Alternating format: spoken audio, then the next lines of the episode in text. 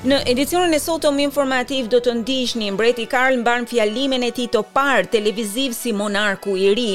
Anëtarët e parlamentit të Australisë kanë vendosur kurora me lule përpara dhomës së parlamentit për nder të mbretëreshës Elizabeth. Dhe në sport, Karl Leclerc dhe Karl Saltos në ndeshje për çmimin e madh të Italisë të Ferrarit. Dhe filloj me lajmet, mbreti Karl është zotuar të shërbejë si monark me besnikëri, respekt dhe dashuri, ashtu siç ka bërë edhe madhëria e saj për më shumë se 7 dekada. Mbreti i ri shprehu mirënjohjen për ngushëllimet e shumta të ofruara nga udhëheqësit dhe njerëzit anë e mbanë botës. In a little over a week's time we will come together as a nation, as a commonwealth and indeed a global community to lay my beloved mother to rest. Për pak më shumë se një javë, ne do të mblidhemi si komb, si Commonwealth dhe në të vërtetë si një komunitet global, për të çuar në banesën e fundit nënën time të dashur. Në pikëllimin tonë, le të kujtojmë, le të marrim forcë nga drita dhe shembulli i saj. Në emër të të gjithë familjes sime, ju falënderoj në mënyrën më të sinqertë dhe më të përzemërt për ngushëllimet dhe mbështetjen tuaj. Ato kanë shumë vlerë për mua, dhe këtë nuk jam në gjendje që ta shpreh ashtu siç meriton. Monarku i ri gjithashtu foli për krenarinë që ndjente në momentin që e shpallte djalin e tij, William si princ i Uellsit. As my heir, William now assumes the Scottish titles which have meant so much to me. Si trashëgimtari im, William tani merr titujt skocezë, të cilët kanë shumë domethënie për mua. Ai më pason si Duka i Cornwall dhe merr përsipër përgjegjësitë për Dukatin e Cornwall, përgjegjësi që unë e kam patur për më shumë se pesë dekada. Sot jam krenar që e kam atë si Princin e Uellsit, në krye të vendit, një titull për të cilin kam qenë kaq i privilegjuar ta mbaj gjatë gjithë jetës dhe detyrës sime deri tani. Ai gjithashtu shprehu edhe dashurinë e tij për Harry dhe Meghan, të cilët për momentin kanë një marrëdhënie të tensionuar me familjen mbretërore të Britanisë, që në momentin që u larguan nga detyrat e tyre mbretërore dhe nga Mbretëria e Bashkuar në fillim të vitit dy mijë e njëzet. I want also to express my love for Harry and Meghan Dua të shpreh dashurinë time për Harry dhe Meghan, ndërkohë që ata vazhdojnë ta ndërtojnë jetën e tyre jashtë vendit. Një komentator mbretëror thotë se fjalimi i parë i Mbretit Karl si monark tregon një dëshirë për të vazhduar punën e nënës së tij të ndjerë, si dhe për të ndjekur deri në fund shembullin e saj. Ed Owens shton se fjalimi tregon një frymë pajtimi dhe shenja të një hierarkie të qartë mbretërore. Owens foli edhe për emërimin e Princit William dhe gruas së tij si Princ dhe Princeshë të Uellsit dhe pozicionin e tyre përkrah mbretit, si forca lëvizëse të familjes mbretërore në vazhdim. Ai shtoi se përmendja e mbretit për djalin e tij më të vogël Harry, i cili i ka lënë detyrat zyrtare mbretërore për të jetuar në Shtetet e Bashkuara, tregoi se ai po i zgjaste një degë ulliri atij dhe bashkëshortes së tij, Meghan. Um, so I think there was an emphasis here on um, reconciliation. I think he was clearly holding out an olive branch to the Sussexes. Uh, but I also think that he was Mendoj se këtu ka patur rëndësi pajtimi, mendoj se po i shtrinte qartë një degë ulliri Sussex. Gjithashtu mendoj se ai po e poziciononte veten dhe William në mënyrë që William më pas të bëhet në krye të mbretërisë. Ata do të jenë dy individët që do ta çojnë mbretërinë përpara, Karli me bashkëshorten e tij, mbretëreshën Camilla, si dhe William me princeshën e re të Uellsit. Owens gjithashtu vërejti se Karli përshëndeti vajtuesit jashtë pallatit Buckingham dhe tha se kjo nënkupton një monark të ri i cili po përpiqet të afrohet me njerëzit e tij gjatë mbretërimit.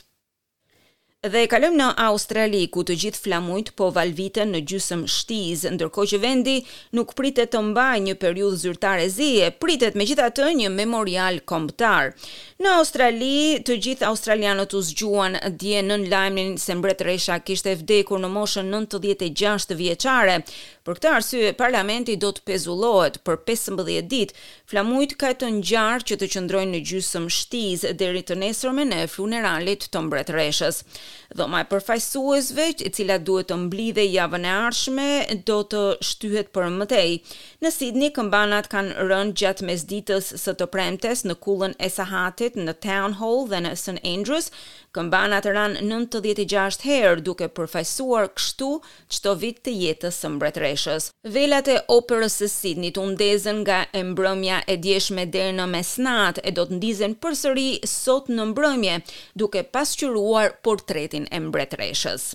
Anëtarët e parlamentit australian kanë vendosur kurora me lule përpara Dhomës së Parlamentit. Kryeministri Anthony Albanese, ministrja e Financave Katy Gallagher, kryetari i Dhomës Milton Dick dhe lideri i opozitës Peter Dutton janë ndër anëtarët dhe senatorët të cilët vendosën kurora me lule gjatë ceremonisë zyrtare në Dhomën e Parlamentit.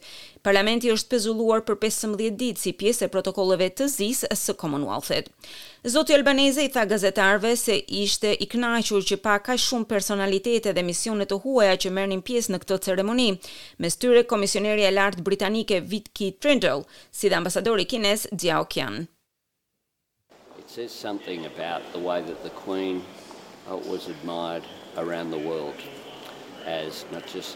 Kjo flet shumë për mënyrën se si mbretëresha admirohej nga e gjithë bota, jo vetëm si kreu ynë i shtetit, si kreu i Commonwealth-it, por për kontributin e saj të madh mbi shtatëdhjetë vjeçar si sovrania më e gjatë që ka mbretëruar në Mbretërinë e Bashkuar dhe në Commonwealth.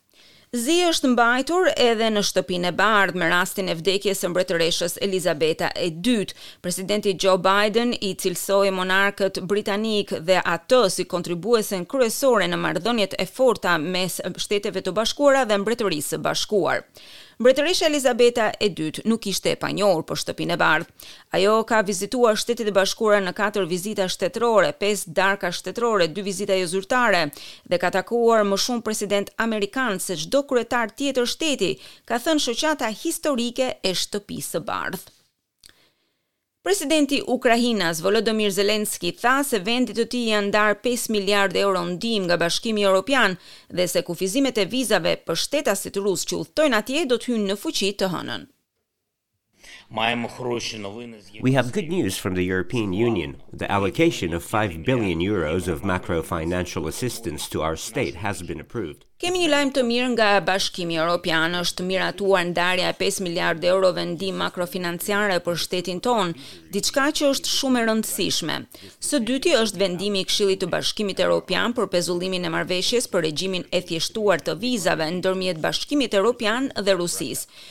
Ky vendim do të jetë i vlefshëm duke filluar që nga e hëna dhe ka patur rekomandime specifike të Komisionit Europian në lidhje me kufizimet e vizave për qytetarët e Rusisë. Zelensky është takuar me shefin ekzekutiv të firmës turke të teknologjisë të dronëve Baykar, Zelensky dhe Bayraktar diskutuan detajet e ndërtimit të një fabrike të prodhimit të dronëve në Ukrainë. Zëvendëspresidentja e Shteteve të Bashkuara të Amerikës, Kamala Harris, thotë se Shtetet e Bashkuara të Amerikës do të prezentojnë një rezolutë në Kombet e Bashkuara në fund të këtij muaji, me një shtytje për t'i dhënë fund testimit të raketave anti-satelitore. This April I announced that our nation would not conduct destructive direct-ascent anti-satellite missile testing. Në prill, unë njoftova se kombi ynë nuk do të kryejë më testime shkatërruese të drejtpërdrejta në ngjitje, raketa antisatelitore. Këtë muaj, Shtetet e Bashkuara do të prezantojnë një rezolutë në Asamblenë e Përgjithshme të Kombeve të Bashkuara, për t'i bërë thirrje vendeve të tjera të hyjnë në të njëjtin angazhim. Vitin e kaluar, Rusia përdori praktikën për të shkatërruar një nga satelitët e saj të zhdukur, duke krijuar një sasi të konsiderueshme mbeturinash në orbitën e Tokës. Incidenti përbënte një kërcënim për stacionin ndërkombëtar të hapësirës, si dhe shkaktoi dënime ndërkombëtare. Zonja Harris gjithashtu njoftoi angazhime të reja nga Qeveria e Shteteve të Bashkuara, sektori privat, institucionet arsimore si dhe organizatat filantropike për të mbështetur iniciativat në lidhje me hapësirën dhe për të forcuar fuqinë punëtore hapësinore. Sekretari amerikan i Shtetit, Antony Blinken, ka thënë se vendimi i presidentit Vladimir Putin për të dërguar përforcime në rajonin e Harkivit të Ukrainës nënvizon humbjet e mëdha që forcat ruse po marrin në luftën e saj. Blinken deklaroi kështu përpara gazetarëve në selinë e NATO-s pas takimit që pati me sekretarin e përgjithshëm të Aleancës Ushtarake, Jens Stoltenberg, një ditë pasi kryediplomati amerikan kishte vizituar Kievin. Ndërkohë aleanca ushtarake e NATO-s ka konfirmuar se prapa sulmit kibernetik ndaj Shqipërisë qëndron Republika Islamike e Iranit. Njoftimi erdhi ndërkohë që diplomatët iranianë braktisën ndërtesën e ambasadës së Republikës Islamike të Iranit, si dhe u dëbuan nga shteti pas urdhrit të qeverisë shqiptare që ta lëshojnë Shqipërinë për shkak të ndërprerjes së marrëdhënieve diplomatike mes dy vendeve. Vendimi për dëbimin e diplomatëve iranianë u shpall nga kryeministri i Shqipërisë, Edi Rama. Ai akuzoi Iranin për agresion shtetëror ndaj Shqipërisë për sulmin kibernetik ndaj infrastrukturës qeveritare, si dhe shërbimeve digjitale gjatë muajit korrik. Është rasti i parë që një shtet ka ndërprerë marrëdhënie diplomatike me një shtet tjetër për shkak të sulmeve kibernetike dhe është hera e parë që një shtet anëtar i NATO-s zyrtarisht fajëson Iranin për organizim të një sulmi të tillë. Diplomatët iranianë dogjën dokumentet e tyre disa orë përpara se të largoheshin nga Shqipëria.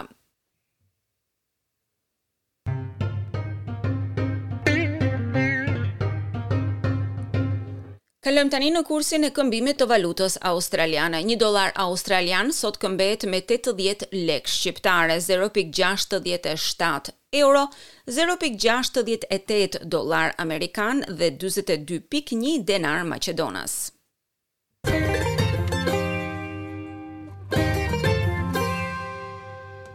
Kalojmë në sport, Charles Leclerc dhe Carlos Sainz kanë vendosur ritmin në praktikë për çmimin e madh të Italisë të Ferrarit pas një fillimi të zymtë të orarit të Formula 1 që mbante zi për vdekjen e mbretëreshës Elizabeth. Sainz, i cili do të nisë garën e së dielës nga pjesa e pasme e rrjetit, e uli pikën referuese në një njëzet e një gjashtë gjashtë katër në periudhën e mëvonshme, me liderin e kampionatit të Red Bull, Max Verstappen, i cili doli i dyti.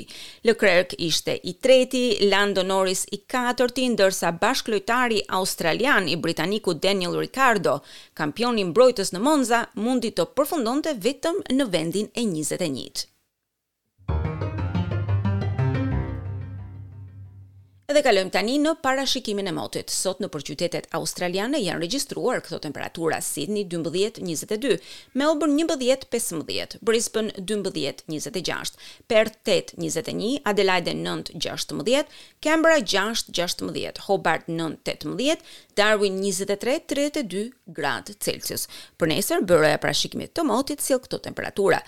Sidni, njëmbëdhjetë, njëzet e një, Melburn, tetë, gjashtëmbëdhjetë, Brisben, dymbëdhjetë, njëzet e pesë, Perth, shtatë, dymbëdhjetë, Adelaide, shtatë, gjashtëmbëdhjetë, Kanberra, dy, pesëmbëdhjetë, Hobart, tetë, trembëdhjetë, dhe Darwin, njëzet e tre, tridhjetë e dy, gradë Celsius.